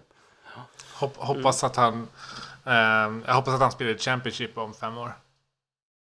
Det hoppas jag innerligt också. Jag tror tyvärr inte det. Men eh, han kommer nog gå till United, men eh, då får han väl halva, halva runt där då. Eh, Uppblåst som Maguire. Vad, vad har vi med på Leicester? Nej, men vi, vi ska bara komma ihåg att vi, eh, vi behöver hata dem. Det är som sagt den sjunde lanseringen i den här podden. Vi ska hata Leicester. Eh, så låt oss spela exakt som vi gjorde den här matchen. Ställ upp likadant. Eh, liksom rotera och, och, och vila i, i, under Olympiakos med det vi kan. Vi vet redan nu att Orier inte är med i matchuppen. Vi ska inte prata så mycket Olympiakos för att den här podden kommer ju ut samtidigt som den matchen är i princip. Eh, men eh, vi, vi ställer upp exakt likadant och så kommer vi pulverisera dem. Äh, det kanske vi inte gör, men vi kommer ha ganska mycket ytor att kunna köra vårt, eh, vårt magnifika omställningsspel på. Leicester kommer absolut gå in för att vinna den här matchen och det, det kan de göra. Eh, de har ju absolut manskapet för det, vi ska inte snacka ner dem allt för mycket. Eh, men det, här, det är ju verkligen en värdemätare för det här ja, nya Tottenham sen tre, fyra dagar tillbaka. Någonting som jag skulle vilja ha sagt om Olympiakas ändå. ehm, är ju två tidlösa saker får vi väl ändå säga då. Så att oavsett när du lyssnar på det här om Tottenham har vunnit, kryssat eller fått däng så finns det ju, det finns, det finns lite saker att gilla här. Den, den ena saken är ju med Olympiakos att det är ju en liten Arsenal-dödare. Eh, De har ju mötts vid, vid, vid åtta tillfällen i Champions League och, och visst så har de förlorat några men de har också dängt Arsenal och framförallt har de gjort det i Pireus utanför Aten där de eh, spelar. Så det ska vi faktiskt, det, det är lite varningens finger för att de är, de är starka där.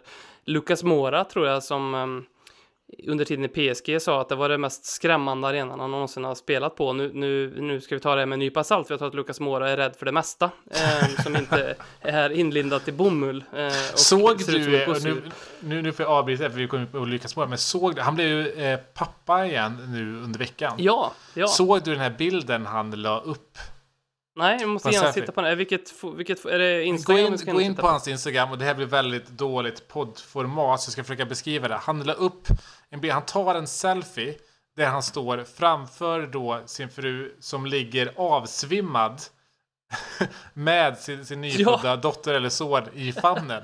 Han hade inte ens låtit henne vakna upp ur liksom narkosen innan han tar en selfie och lägger upp den på Instagram. På tal om att vara taktlös.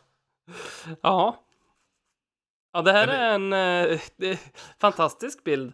Man får väl hoppas att hon har gett eh, medgivande till att han, han lägger men det har hon inte för hon låg väl fortfarande Nej, hon, hon är inte vid medvetande.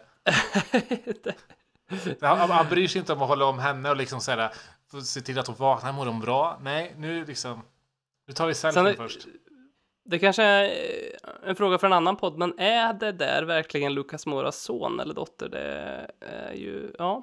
Det, det får någon annan reda ut. Det får någon annan podd göra. Nå något annat som eh, jag vill ha sagt om Olympiakos är ju att um, detta upptäckte jag idag när jag låg och gjorde lite research. De, har ju, de är ju faktiskt vänskapsklubb med Röda Stjärnan. Mm, ja, um, det ser man. Och vet du vilka vi har som vänskapsklubbar? Jag kan säga, jag hade ingen aning om dig när jag googlade det. Uh, Nej, vi, vi kanske inte har något samarbete med Ajax. Alltså inte samarbete, Nej. men säga vänskaps... De hade jag också gissat, men det har ja. vi inte. Nej, vi kanske har haft, men eh, de officiella nu det är i alla fall Internationale i Brasilien och eh, San Jose Earthquakes i USA och ja. sedan eh, något sydafrikanskt lag. Otroligt tråkiga samarbeten. Man hade ju ja, hoppats verkligen. på ett Ajax. Eh, men Olympiakos har i alla fall Röda Stjärnan och detta springer sig tillbaka från det att eh, Olympiakos är ett, ett klassiskt arbetarklasslag, eh, mm. vilket faller i väldigt god jord i den här podden. Eh, och, Absolut där också, ja, eh, därför de har, har Röda Stjärnan då som, som, eh, som mästerskapsklubb. Så att eh, ett, ett, ett lite pikt lag tycker jag det är. Mm. Olympiakos. Det känns också som att det har spelat jättemånga svenskar där, men jag, de enda jag fick fram egentligen var som jag kände igen då. Det var Olof Mellberg och, och Jimmy Durmas och sen så var det några gamla spelare på, på för länge ja, sedan. exakt, exakt. Nej, men de har ju, eh, de är ju väldigt, väldigt formstarkt, formstarkt lag just nu. De har inte släppt in något mål den här säsongen. Eh, vunnit alla sina matcher. Så att så här, eh, det, kommer, det kommer nog vara ett svårpenetrerat lag. Och bara för det så kommer väl liksom stå 4-0 i första halvlek också. Eh, men, men jag gillar just det här med vänskapsbanden med Röda Stjärnan. Det är väldigt fina klubbar att ha vänskapsband. Vi borde också slå oss in i den, den duon där och göra det till en liten, eh, liten trio av underbara klubbar. Men annars får vi skapa vår egen. Jag vet inte vilka det är. Vilka skulle man vilja se att vi, vi skaffar vänskapsband med? Är det San Pauli och Union Berlin? Ja, typ men precis. De... Men jag, jag, tror inte de vill ha något med oss att göra tyvärr.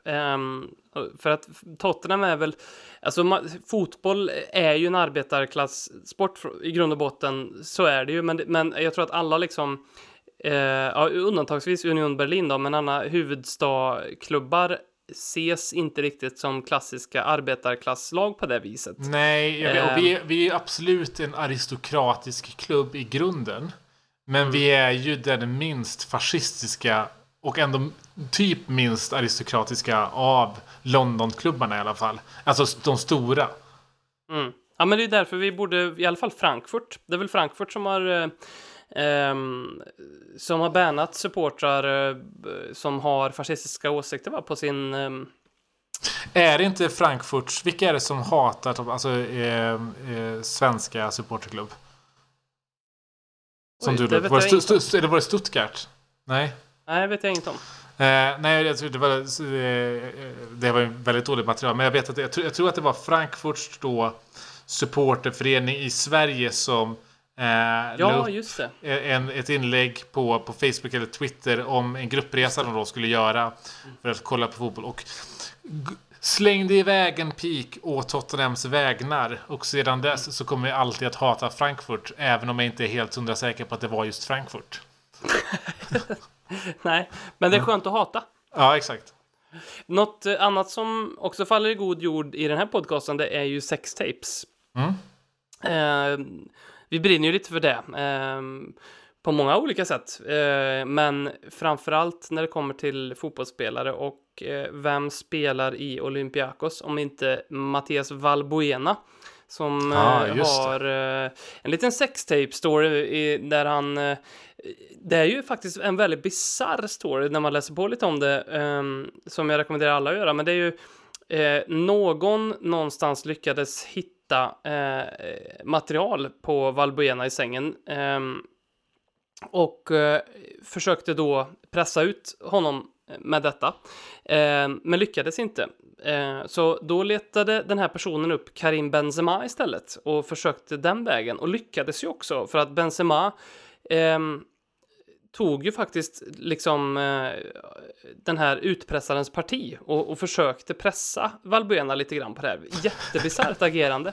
Eh, vilket ledde till, som alla känner till, att både Benzema och Valbuena inte har spelat i, i franska landslaget sedan dess. Eh, för, för eh, jag tror faktiskt till och med det här gick till rätten på, på något sätt. Men, men, och där kunde Benzema eh, ta sig loss på, på så som alla fotbollsspelare gör som, som eh, blir åklagade för någonting. Men lite intressant. Och alltid lite uppiggande med ett sextape.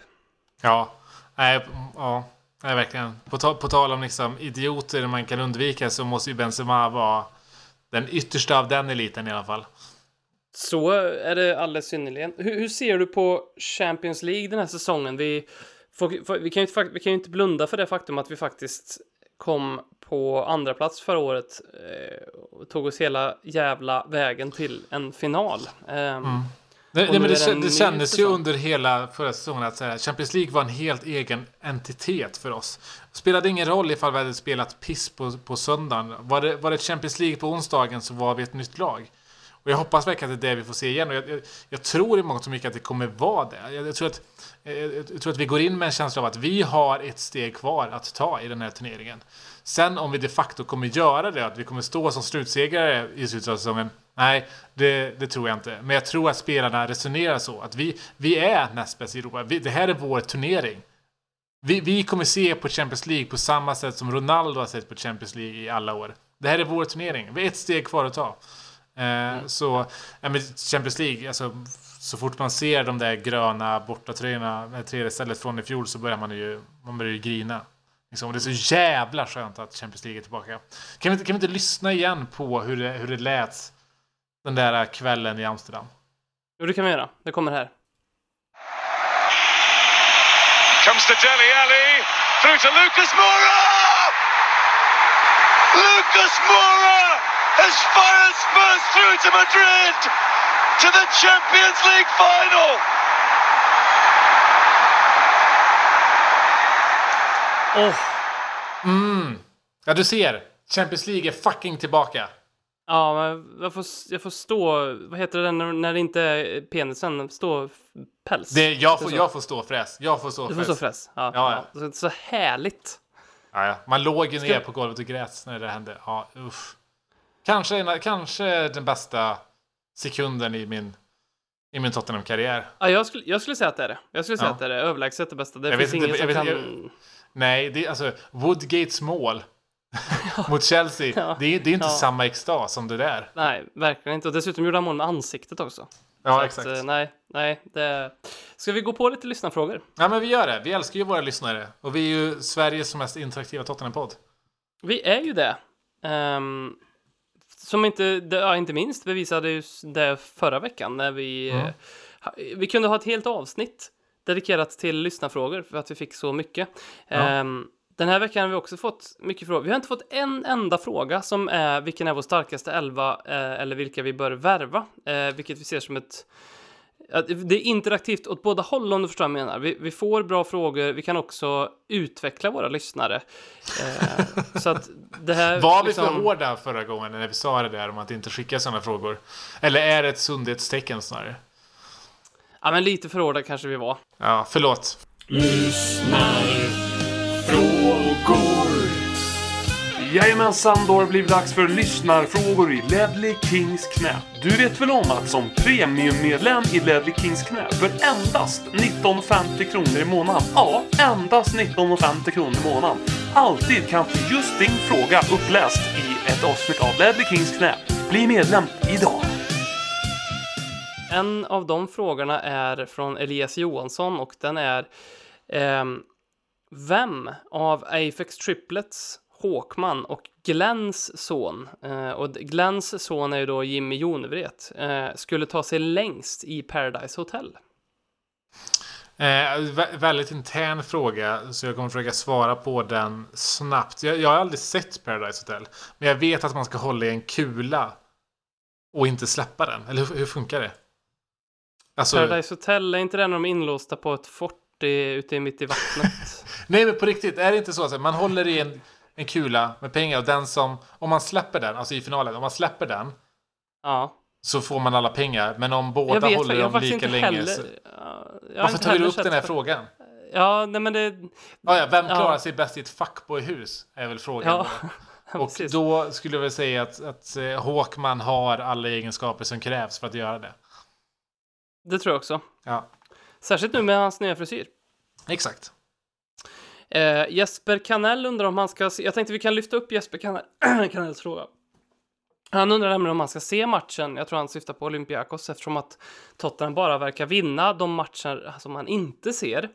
Eh, och då kan vi lyfta upp den här frågan till en större diskussion om jinxar i största allmänhet och då, och då får vi ju be Jesper att inte titta. Nej, men jag tycker snarare tvärtom. Alltså, som jag sa innan, Champions League är, i, i Tottenham-spelarnas huvuden, så är Champions League en helt egen entitet. Så att om det är så att du har liksom kollat på matcherna där vi har förlorat, det spelar ingen roll här. Det här är, något, det här är ett eget, liksom, en egen varelse som, inte, eh, som du inte kan applicera tidigare saker på. Så kolla på, ha gott samvete. Eh, och jag menar, är det någonting som vi har lärt oss den här säsongen, och det får du gärna utveckla Robin, det är att vi har dödat hela jinx-begreppet. Det har ju du gjort. Berätta. Vi lanserar det den här säsongen tror jag. Exakt. Den åttonde Jinxen. lanseringen. Det åttonde underverket. Jinxen är död. Ehm, nej, men det, det är så enkelt som att jag tog jinxen vid hornen. Jag hade eh, varit på White Hart Lane. eh, eh, den som har lyssnat på alla avsnitt har ju hört den här historien hur många gånger som helst. Så att varsågod, här kommer den en gång till. Men jag har ju varit på White Hart Lane fem gånger i rad med ett resultat som ly- lyder 0-1. Eh, och vilket då den femte gången, vilket var mot Aston Villa 2015 om inte jag minns fel. Eh, Christian Benteke gjorde mål i typ 80 någonting. Eh, så vill jag minnas det i alla fall. Eh, då sa jag till mig själv, nu, eh, nu, nu räcker det. Eh, nu, nu, nu åker jag inte längre. Eh, men eftersom att vi fick en ny arena sen ehm, och, och så, så, så bestämde jag mig för att jag tar den här jinxen vid hornen ehm, och åker på den första eh, hemmamatchen eh, i år, den här säsongen, vilket var mot just Aston Villa. Så att man kan säga att så som fotboll, liksom cirklar brukar göra i fotboll så slöts även den här cirkeln på ett ganska fint sätt med att det var just Aston Villa. Däremot så stod det ju 0-1 till Aston Villa eh, i eh, typ 70 minuter, vilket fick mig att och, och liksom undra väldigt mycket vad fan jag höll på med. Men det, Så. det, det reder du ut till slut. Det tackar Det vi gjorde för. jag. Det gjorde jag. Och sen så en annan grej som just för mig, eh, det, här, det borde jag kanske också göra och det är ju att jag har ju en historia av att jag alltid köper spelare som sen eh, på, på tröjan, eh, tryck, eh, som, som sen lämnar Tottenham.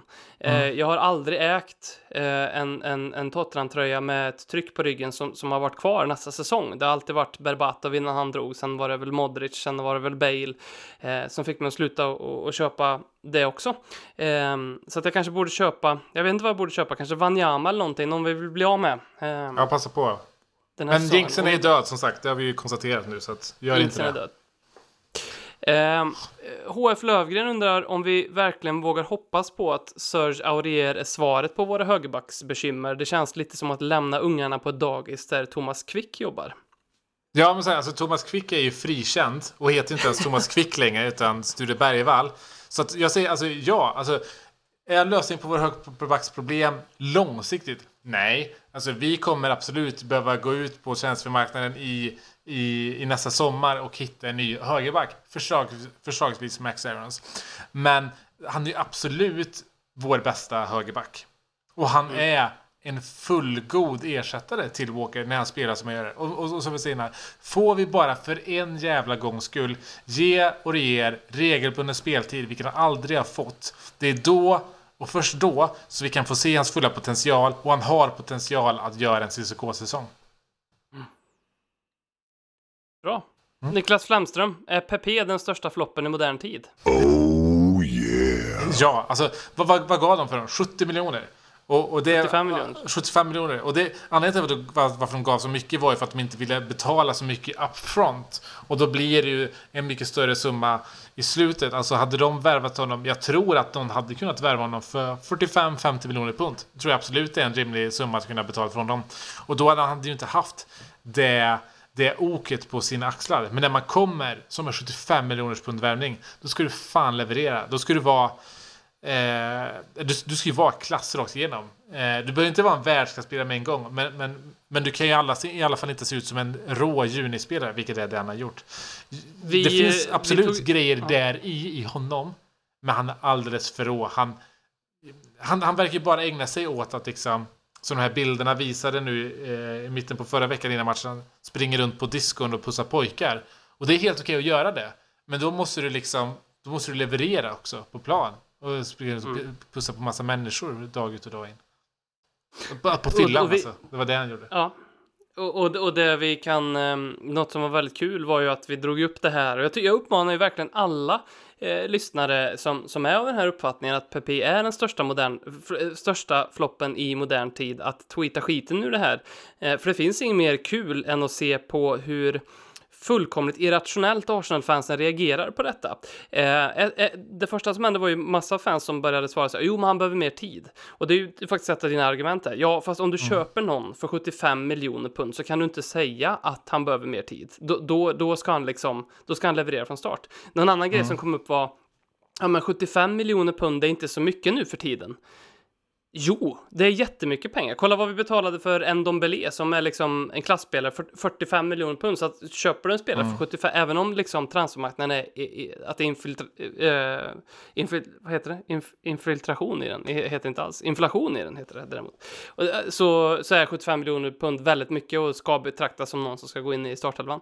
Och sen den tredje Arsenal-fansen som hörde av sig och sa eh, att ja, men han behöver lite mer tid. Kolla på Heng Min Son till exempel. Han gjorde inte mål i sina första 12 till 15 matcher i Tottenham. Eh, ett, ett, han kostade inte 75 miljoner pund. Två, jo, det gjorde han visst. Han gjorde mål i princip i sin första match. Ja, så, så här långt in på Jong Min Sons första säsong så hade han gjort tre mål. Eh, Precis. Så att det argumentet håller inte så att säga. Nej. Eh, det finns mycket och jag tror det blir en god följetong den här säsongen i att, att, eh, att, att, eh, glädjas åt misären som är Arsenal 2019. Mm, underbart.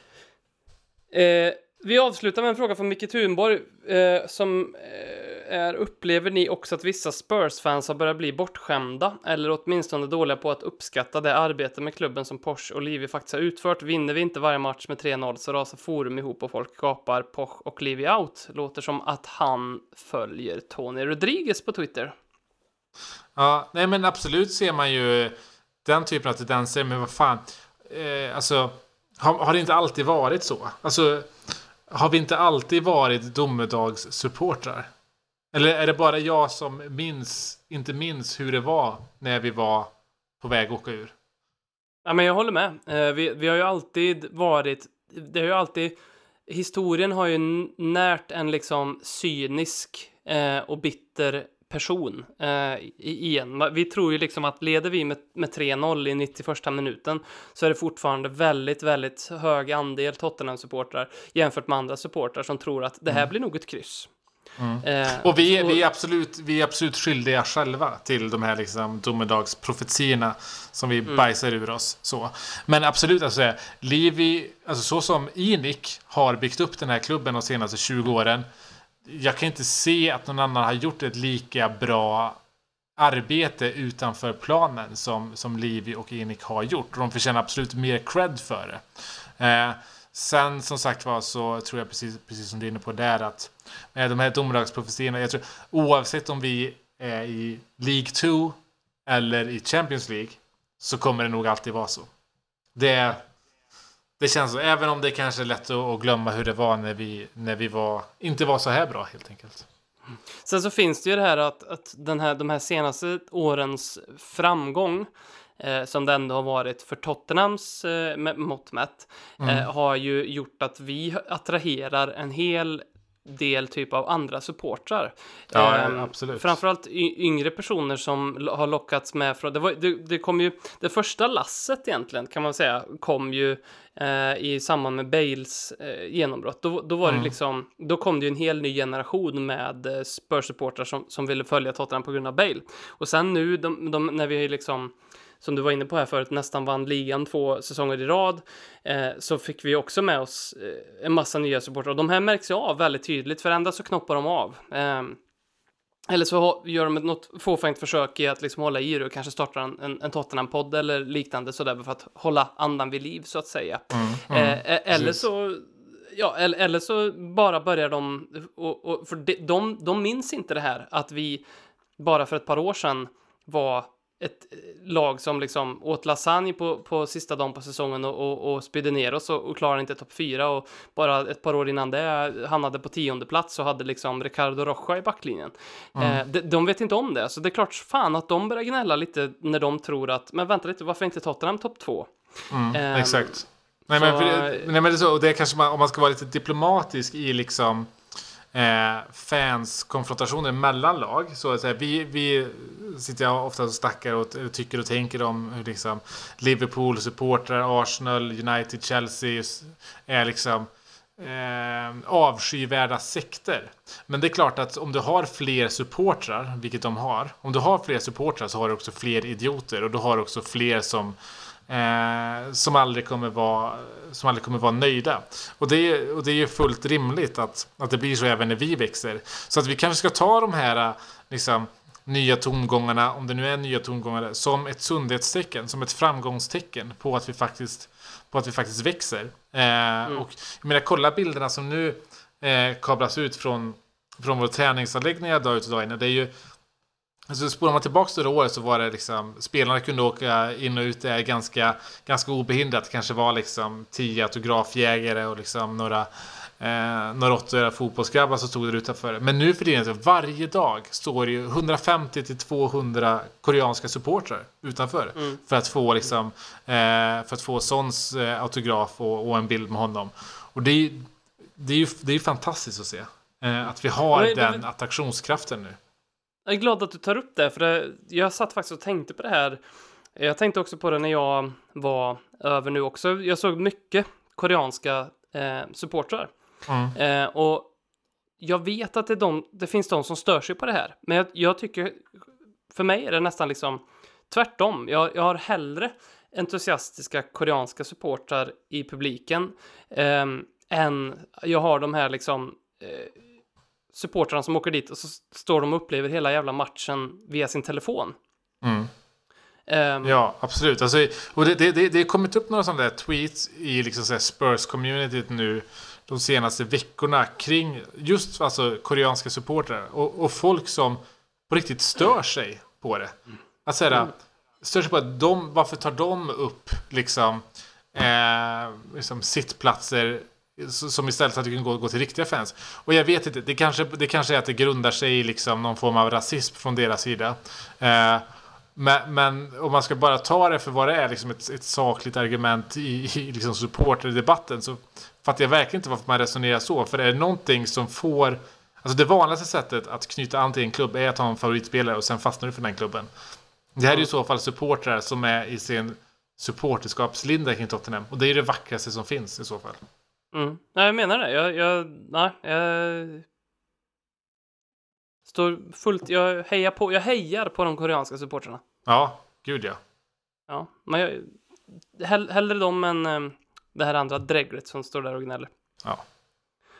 Det var ju också någon som satt och stickade på förra ma- hemmamatch. Ja, just det. Det är, ju, det, är ju, det, är ändå, det, är, det är ändå fint.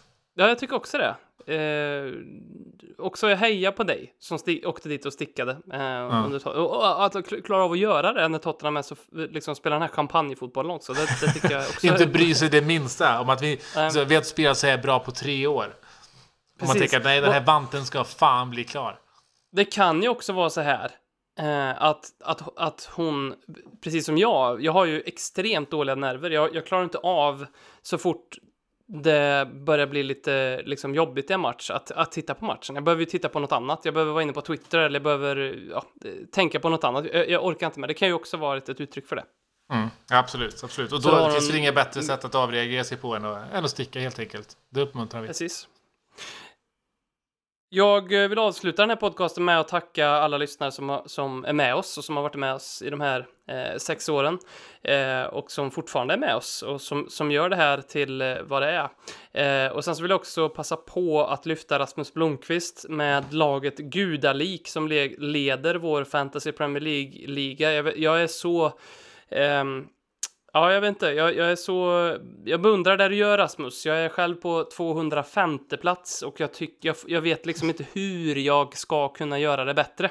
Nej, om det jag är uttrycker samma här. Så att, så att, så att eh, otroligt eh, beundrad av, av Rasmus insatser med Jag- jag Det här är lite roligt, för det här, den här ligan är ju en av Sveriges största fantasy-ligor. Och det är en Tottenham-liga. Men den leds just nu utav en Liverpool-supporter. Så att alla måste verkligen gå all in och satsa. Ge inte upp bara för att ni ligger på 200 platser. Det är långt kvar att spela. Jag kommer inte ge upp. Jag är in it for the long run. Jag kommer gå in 110% för att se till att inte Liverpool-supporter vinner vår liga. Också en lansering. Ja, man väl ändå lansering. säga. Det kan man säga. Den sista för idag.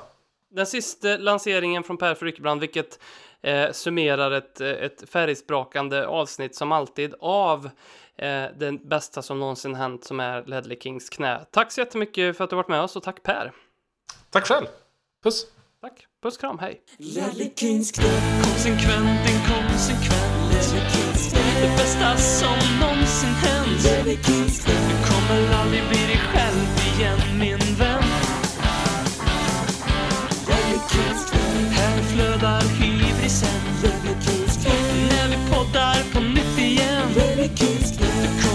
säkert blir det själv.